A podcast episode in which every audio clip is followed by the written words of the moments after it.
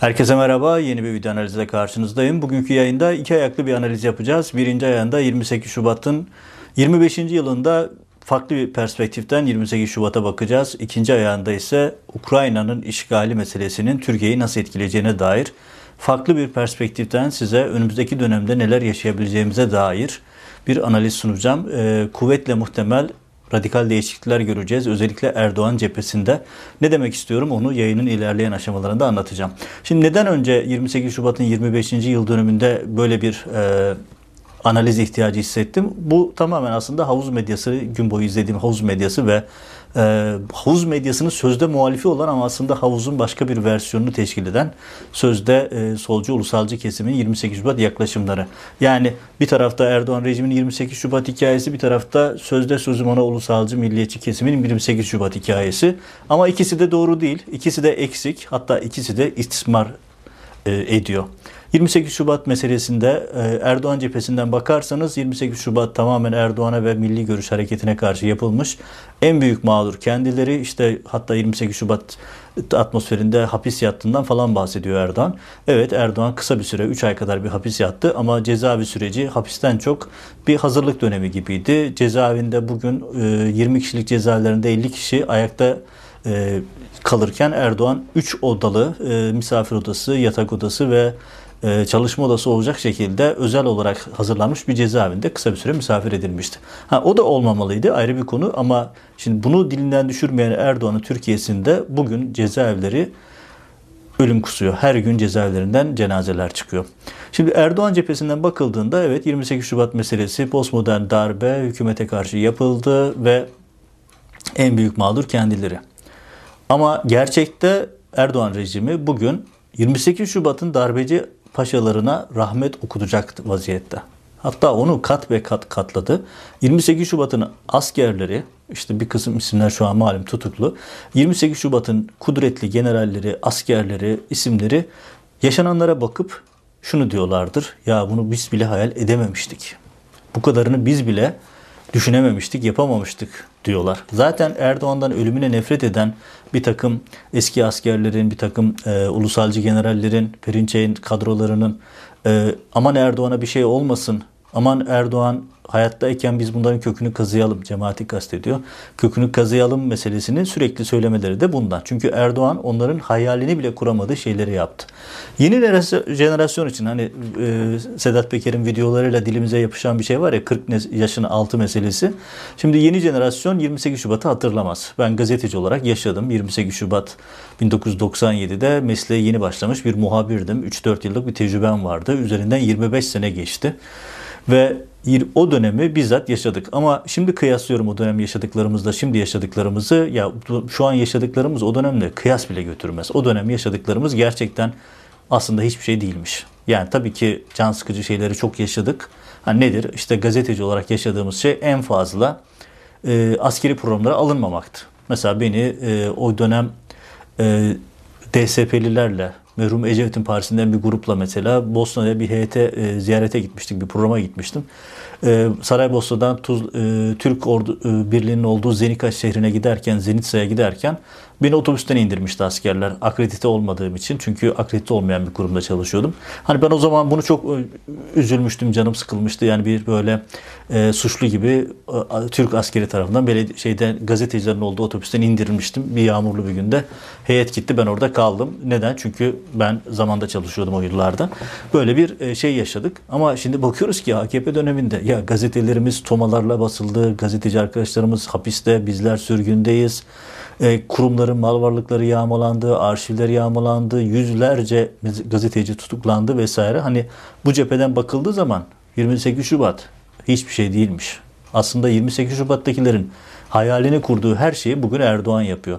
Ne gibi yapıyor? Hatırlayın 28 Şubat 1997 postmodern darbesinin o meşhur MGK kararlarında hedef neydi? Hedef irtica ile mücadele adı altında hedef cemaat aslında. Bunu da zaten Doğu Perinçek sık sık söylüyor. Sadece o değil başkaları da söylüyor. Mesela o dönemin MİT Müsteşarı şey, e, Miktat Alpay'ın bir e, raporu var bu konuda. Aslında 28 Şubat kararlarının temel hedefi cemaat uyurlarda. En temel hedef de cemaatin okullarının, dershanelerinin kapatılması meselesiydi. E, çünkü başörtüsü orada e, bir e, araç olarak kullanıldı. Gerçekten inanılmaz zulümler yapıldı başörtüsü konusunda. Kimse bugün çıkıp 28 Şubat döneminde başörtülere zulmedilmedi falan demesin. Ben o zulümleri bizzat yaşayan bir ailenin insanıyım. Kendi kardeşlerimden, kendi aile fertlerimden bunları çok acı yaşayan insanlar, okullardan atılan, okullarda çok e, onur kırıcı mua, e, muamelelere maruz kalan insanları bizzat biliyorum. Bizzat yaşadık o süreçleri. Yani o hani bugün geriye dönüp ya yok öyle bir şey falan demesin. Kimse 28 Şubatçıların e, yaptıklarını hafife almaya çalışmasın. Yani benim de bu yaptığım onları hafife almak değil. Benim yaptığım aksine AKP rejiminin ne kadar acımasız olduğu, ne kadar e, zulümde sınır tanımadığı şeklinde. Düşünsenize 28 Şubat'ın darbecilerini yani asker e, yargı mensuplarını otobüslere doldur, saraya götür. Orada e, şey Çankaya Köşkü'ydü o zaman. E, briefingler ver. İşte e, askerler medya briefingler veriyor vesaire. Ya onlar en azından bir kısmına verebiliyordu. En azından ricacı oluyordu ya en azından askerin gücünü kullanıyordu. Şimdi Erdoğan rejimi öyle bir şey yapıyor ki başkasına hayat hakkı yok. Mümkünatı yok. Yani Erdoğan saraya bağlı olmayan gazetenin hayatta kalma şansı yok. Saraya bağlı olmayan hakim savcının hakkı şansı yok. Onların hepsi zaten tutuklandı 15 Temmuz kumpasıyla birlikte. Neler oldu? Mesela 28 Şubat'ta e, askeri vesayet mesela birçok hukuksuzluğu yapmıştı. Ne gibi? İşte e, kamudan atılacak insanlar belirlemişlerdi ama bu rakam böyle Erdoğan'ın yaptığı gibi yaklaşık 150 bin KYK'lıyı kapsamıyordu. Birkaç bin kişi kapsıyordu. İşte başörtülü kadınlar, başörtülü öğrenciler okullara alınmayacaktı. O da sadece işte hani kamuya alınmayacak meselesi vardı. Ya Erdoğan rejimi bütün başörtüleri cezaevine doldurdu. Bebekleriyle birlikte binlerce başörtülü kadın cezaevinde. Erdoğan döneminde başörtü şey 28 Şubat döneminde ben de o dönem polis muhabiri yapıyordum. Polis bir takım başörtüleri gözaltına aldığı zaman isyan çıkmıştı, ayağa kalkmıştı Milli Görüş Cemaat e, şey e, Erdoğan cephesi, siyasal İslamcılar. Haksız bir şeydi, yanlıştı. Ona da itiraz etmek gerekiyor. Ama Erdoğan rejiminin başörtülü o dönemin mağduru olan, sembol olan isimler bugün bakan oldular. Genel başkan yardımcısı oldular AKP'de ve onların ki bunlardan bir tanesi Özlem Zengin kendisi 28 Şubat mağduruydu.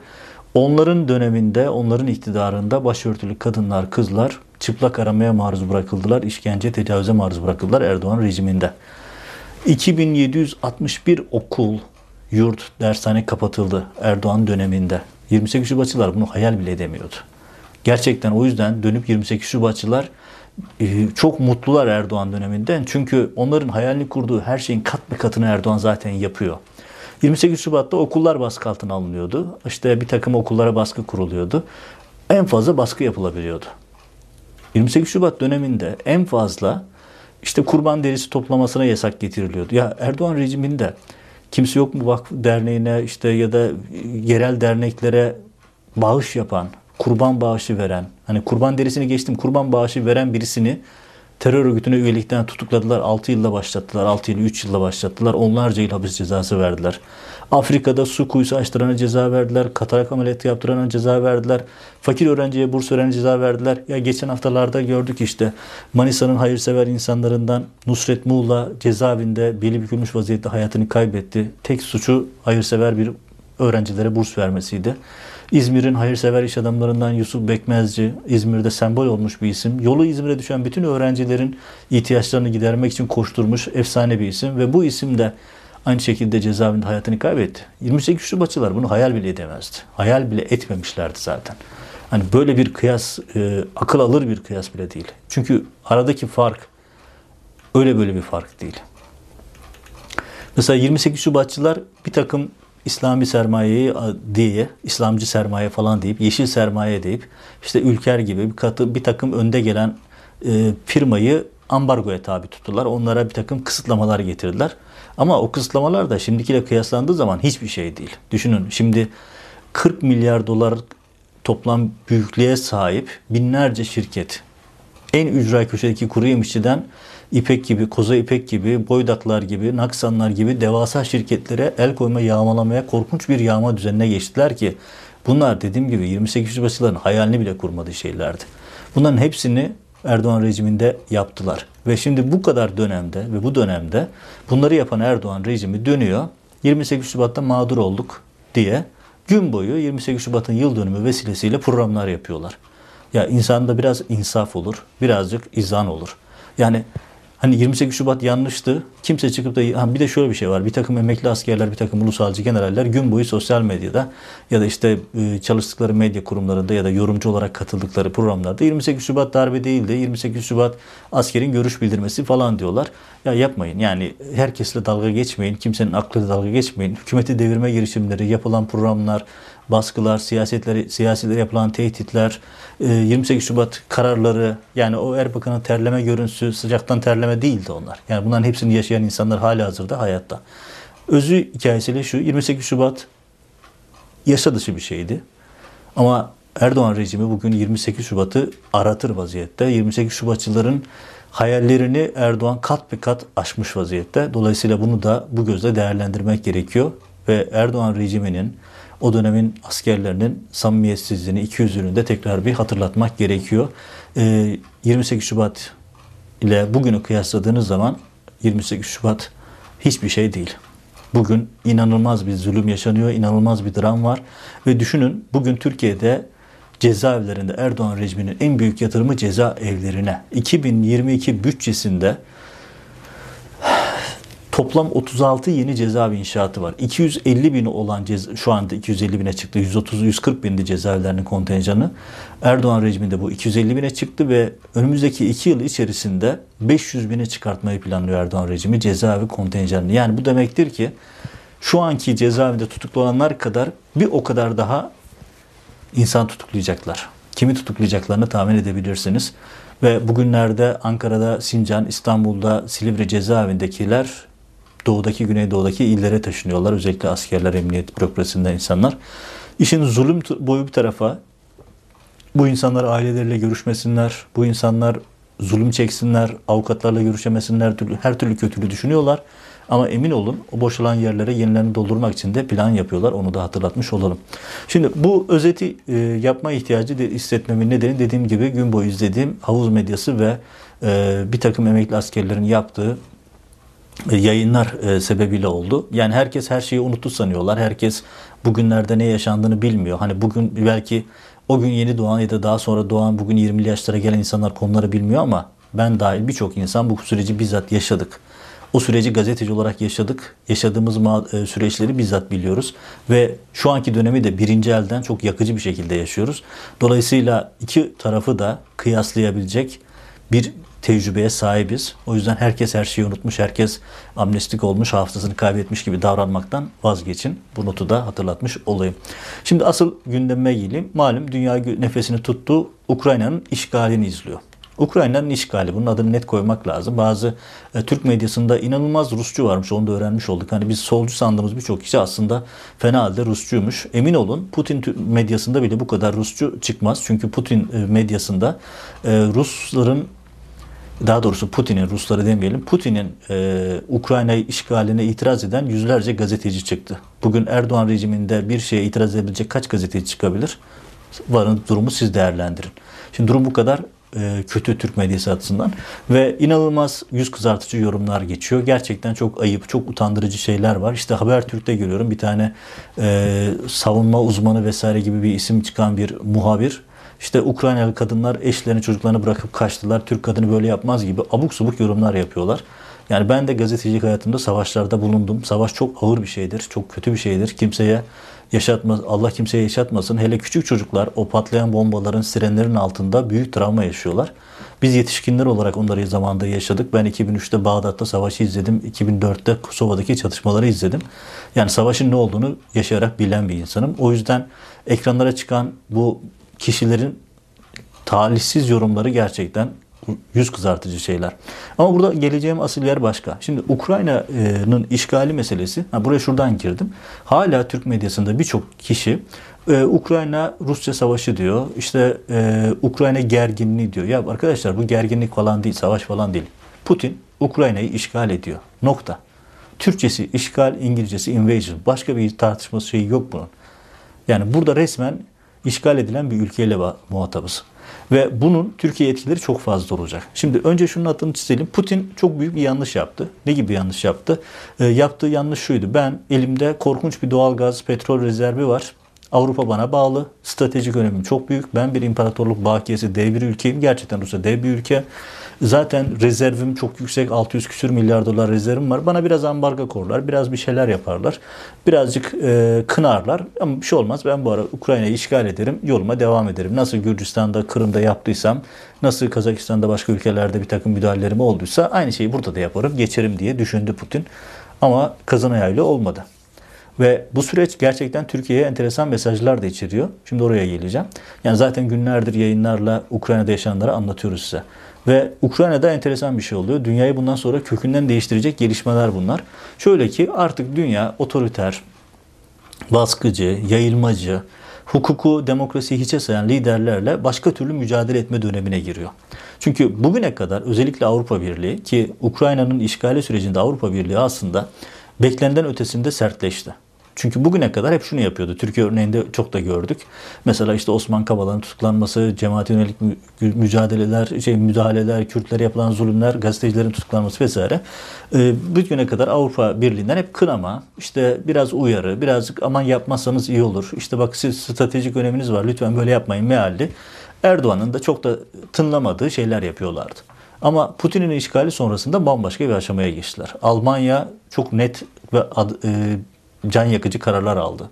Fransa aynı şekilde, İngiltere aynı şekilde. Bakın bugün Avrupa Konseyi'nden çıkartmaya dahil olmak üzere çok yoğun e, ve etkili adımlar atıyor. SWIFT sistemi kapatıldı, hava yolu, hava ulaşımı durduruldu ve aklınıza gelecek her şey, spor müsabakalarından kültürel müsabakalara kadar adınıza aklınıza gelecek her şeyde Rusya'yı ambargo şey Rusya'yı dışladılar ve Rusya artık hatta mesela ben bu videoyu çekerken bir Rus uçağı Yunanistan havasından geri dönüp Türkiye'ye inmek zorunda kaldı. Çünkü hava sahası da kapandı. Haritayı düşünün bütün yönlerinden Rusya'yı kapattılar.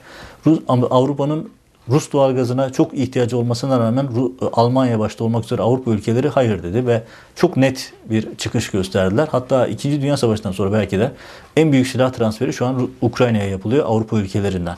Böyle çok net bir şey var ve Avrupa Birliği olmadığı kadar sertleşti. Ve bunun sonucunda hani artık yeni bir dönem başladı. Artık böyle otoriter, böyle canı sıkıldığı zaman sağa sola sataşacak. Ee, bütün uluslararası kurumları, enstitüleri, değerleri yerle bir edecek liderlere karşı bundan sonra artık ne Avrupa, ne Amerika, ne NATO eskisi kadar müsamahalı davranmayacak. Hani burada şöyle bir durum söz konusu. Hani Putin ülkesinin stratejik konumunu, yeraltı yerüstü zenginliklerini bir silah olarak kullanıyordu. Ve bununla Avrupa'yı, Amerika'yı bir şekilde çekimser bırakma, bir nevi e, geri adım attırma e, taktikleri uyguluyordu. Ama artık bunun işlemediğini gördüler. Burada en temel nokta şu ve bunu yaparken de şunu da yaptılar. Sadece Putin'e değil Putin'in oligarklarına da çok sert bir şekilde dokundular. Yani oligarkların bütün mal varlıklarının doldurulması, onların seyahatlerinin durdurulması, uçaklarının indirilmesi, para hareketlerinin dondurulması gibi çok önemli adımlar atıldılar ki bu Putin'i ayakta tutan sistemi de çökertiyor. Buradan geleceğim nokta şurası. Tam anlamıyla hani atasözümüz var ya bir tane kızım sana söylüyorum gelinim sen anla meselesi. Aslında dünya Putin'e söylüyor ama Erdoğan anlamalı. Sadece Erdoğan değil Erdoğan gibi o zihniyette olan otoriter liderler, e, diktatörler anlamalı diktatörler aslında mesajın kendilerine olduğunu görmeli. Artık Ukrayna'nın işgalinden sonra dünya bir ay önceki dünya değil. Artık şunu gördü medeni dünya, Amerika'sı, Avrupa Birliği, NATO'su bütün e, gelişmiş ülkeleri. Otoriter liderlerle idare edilmez. Otoriter liderlerle aman bulaşmayalım, arada bir şekilde ilişkileri bozmayalım, geçinip gidelim şeklinde bir taktik izlenemez. İzlendiği zaman gördüğünüz şeyler oluyor. Dolayısıyla bugün Putin diye bir adam çıktı. Rusya'da, şey, Ukrayna'da sivilleri bombalıyor. Bugün özellikle pazartesi günü itibariyle çok yoğun sivil alanlara atış vardı ki bu çok tehlikeli bir konu. İşi daha da tehlikeli bir noktaya götürüyor. Üstüne üstlük bir de nükleer tehditte bulunuyor. Şimdi bütün bunlar aslında medeni dünyanın kabul edebileceği, kaldırabileceği bir şey değil. O yüzden hani bugün itibariyle diyorum artık e, dönüm noktası oldu. Artık Erdoğan tarzı, işte Brezilya lideri ya da işte Macaristan ki Macaristan lideri Orban bile e, bu işlerde artık Avrupa'nın yanında yer aldı. Artık e, Rusya'ya mesafeli durdu. Çünkü pabuç pahalı geliyor. Ve işte herkes artık şuna ikna oldu. Ya bu tip liderlere müsamaha gösterilmez. Bu tip liderlerle iyi geçinilmez. Bu tip liderler idare edilmez. Dolayısıyla bir yol ayrımına gelindi ve bu yol ayrımında bir karar verilmesi gerekiyor. Ya demokratik değerlerden, hukukun üstünlüğünden yanasınız ya da biz hepimiz size karşıyız. Şu anda Batı dünyasının geldiği yol ayrımı bu. Dolayısıyla bu doğrudan Erdoğan'ı da etkileyecek. Hani Erdoğan şu anda Rusya'yı idare edeyim, Ukrayna'yı idare edeyim gibi bir politika belirliyor ki bu aslında Ukrayna'yı satmak Rusya'nın yanında yer almaktır. Çünkü Rusya gibi bir süper gücün Ukrayna gibi bir devleti işgali durumunda ben tarafsız kalayım, ben iki durumu da idare edeyim diyemezsiniz derseniz bu güçlü tarafın e, ezici güce sahip olan Rusya'nın yanında yer almaktır. Düşünün İsviçre tarafsızlığıyla meşhur. İsviçre tarafsızlığını bıraktı ve Rusya'ya ambargo uyguladı. Böyle bir dönemde Erdoğan iki tarafı da idare edeyim modunda hem Rus e, Ukrayna'ya damadını silahlarını satayım hem de Putin'le ilişkilerimi iyi geçireyim modunda. Ama bu da yürüyecek bir yer değil. Çünkü Erdoğan da bunu gördü. İşte mesela bu birkaç gündür hep böyle işte iki tarafı da idare edeyim modu biraz e, Montreux'u tekrar alevlendirme, tekrar e, hareketlendirmek gibi bir batıya mesaj verme kaygıları güttü. Çünkü Erdoğan da görüş, değişen rüzgarı görüyor. Yani özetle söyleyeyim. Artık e, Erdoğan şey Putin gibi işte Brezilya lideri gibi ya da Avrupa'nın değişik yerlerinde, dünyanın başka bölgelerindeki otoriterler, otoriter liderler, diktatörler artık dünya yeni bir döneme girdi ve medeni dünya ekonomik olarak güçlü olan dünya artık bu tip liderlerle durumu idare etmeyeceğini, etmemesi gerektiğini gördü. Yani bugüne kadar hep Avrupa Birliği Türkiye ilişkilerinde, Amerika Türkiye ilişkilerinde şu vardı. İşte Türkiye çok önemli bir ülke, stratejik olarak çok önemli bir noktada. Biz aman Erdoğan'a kavga etmeyelim, aman Erdoğan'ı kızdırmayalım, bir şekilde idare edelim. Birazcık e, gereri sonra bırakırız, birazcık gereri sonra bırakırız diyorlardı. Artık bunun bir yere gitmeyeceğini görmüş oldular. Çünkü benzer bir taktik Rusya ile yaşandı. Yani Rusya Kırım'ı işgal ettiğinde de gerekli adım atılmamıştı. Gürcistan'la yaşadığı sorunlarda gerekli adım atılmadı. Başka sorunlarda gerekli adım atılmadı. Rusya gitti muhaliflerini dünya değişkenlerinde zehirledi, suikastler yaptı. Bunlar olunca artık bir yerde e, hani bir başka ifadeyle bardak taşmış vaziyette Ukrayna'nın işgali. Düşünsenize bir süper güç nükleer silahı var. Gidiyor başka bir ülkeyi, başka egemen bir ülkeyi işgal ediyor ve sivillerin üzerine ate bomba yağdırıyor. Özellikle bugünlerde çok daha arttı bu. E bu tolere edilebilecek bir şey değil. Dolayısıyla dünyanın bütün medeni ülkelerinde artık şu netleşti. Bu tip otoriter, diktatöryel eğilimleri olan liderlerle idare edilmez. Onları besleyen oligarklarla idare edilmez. Onları da besleyen oligarkların medya düzeninin kesilmesi gerekiyor. Bakın bugün YouTube'dan başlamak üzere, Twitter'dan, sosyal medyadan başlamak üzere Rus kanallarının hepsi medeni dünyada, Batı dünyasında iletişime kapandı. Bu önemli bir gösterge. Bunun oligarklara bakan tepesi de aynı şekilde, yepesi de aynı şekilde. Şimdi Erdoğan rejiminden bakalım. Erdoğan rejiminin e, beşli çetesi, onlu çetesi, TÜGVA'sı, e, o bütün o bürokrasisi vesaire. Onların hepsi de Erdoğan'la birlikte aynı akıbeti yaşayacaklar. Bu dolayısıyla Erdoğan açısından şöyle bir yol ayrımı var. Artık hem Rusya'yı hem Amerika'yı idare edeyim hem de arada yine kendi düzenimi kurayım diyemeyecek bir tercih yapmak zorunda kalacak artık Türkiye'nin stratejik önemini, coğrafi konumunu, işte e, Rusya-Amerika arasındaki e, tahterevalli oyununu oynama şansı kalmayacak. Bunları istismar edemeyecek. Çünkü artık Avrupa Birliği çok sert, artık Amerika çok sert ve dünya artık bu tehlikenin farkında. Dolayısıyla artık Erdoğan için de yol ayrımı çok netleşti. Ya batıdan yana yer alacak ya da Rusya'dan yana yer alacak ama Rusya'dan yana, yanına yer alma şansı çok kolay değil. Çünkü Erdoğan gerçekten Putin'den korkuyor. Er, çünkü Putin ne Biden ne de Avrupa Birliği liderleri gibi birisi değil. Çünkü oralarda demokratik kurumlar ağır aksak da olsa işliyor. Oradaki kurumlar işliyor, devlet mekanizmaları işliyor, hukuk işliyor ama Putin bir şekilde canı sıkıldığı zaman gelip sizin bir düzine e, bir bölük askerinizi İdlib'de yaşandığı gibi tam da 27 Şubat'ta yıl dönümünde yaşan bir gün önce yaşanan hadise İdlib'de iki yıl önce bizim askerlerimizi imha ettiler ve Erdoğan hiçbir şey söyleyemediği gibi gitti sarayında kapıda bekletildi bir de rezil edildi. Putin böyle birisi Erdoğan Putin'e karşı çıkmaktan fena halde korkuyor. Çünkü Putin'in elinde Erdoğan'ın canını yıkacak çok fazla malzeme var. Hani Putin midir yoksa Biden mıdır Erdoğan için kabus derseniz hani Amerika'daki Halkbank davası ve diğer dosyalar derseniz evet onlar Erdoğan için bir sıkıntı ama Erdoğan için asıl korku Putin. Çünkü Putin'in sağ sol belli değil. Ne yapacağını öngöremiyorsunuz. Her şeyi yapabilir. Dolayısıyla Erdoğan için gerçekten zor bir durum. Putin'den uzaklaşsa, batıya yanaşsa Putin de ne tür bir fatura çıkartacak onu bilmiyor. Batı'dan uzaklaşsa, Putin'den e, yaklaşmaya çalışsa dünyanın geri kalanıyla ayrı düşecek. Çünkü dünya çok net ayrıştı. Şu an siyah ve beyaz artık.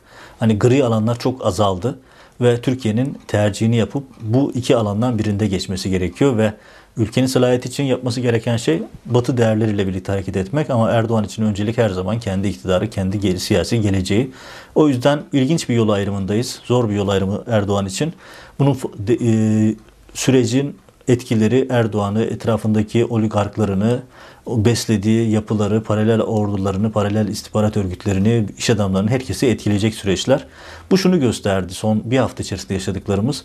Hani Erdoğan'ın iş adamları, Erdoğan'ın e, işkencecileri, Erdoğan'ın bürokratları, e, Erdoğan'ın gazetecileri bize bir şey olmaz diyorlardı. Putin örneğinden hareketle söyleyeyim çok şey oluyor. Erdoğan, Putin'in oligarkları bir bir şu anda e, hedefteler. Hepsi ambargoların, yaptırımların muhatabı, hepsinin hesapları donduruldu, hepsinin uçakları artık uçamıyor, hepsi seyahat edemiyor ve çok ağır yaptırımlara muhataplar. Yani bu da demektir ki yarın bir gün Erdoğan'ın oligarkları, iş adamları, bürokratları, siyasileri, gazetecileri de aynı akıbeti yaşayabilirler. O yüzden enteresan bir süreç. Hani Türk atasözünde dediğimiz gibi kızım sana söylüyorum, gelinim sana anla meselesinde. Evet dünya Putin'e söylüyor ama bence Erdoğan da neler olduğunu anlamalı diye düşünüyorum. Evet yayını burada sonlandıralım. Gelişmeleri takip edip analiz edip size aktarmaya devam edeceğiz. Abone olur, bildirimleri açar, yayınları paylaşırsanız daha çok insana ulaşma imkanımız olur. Teşekkürler. Görüşmek üzere.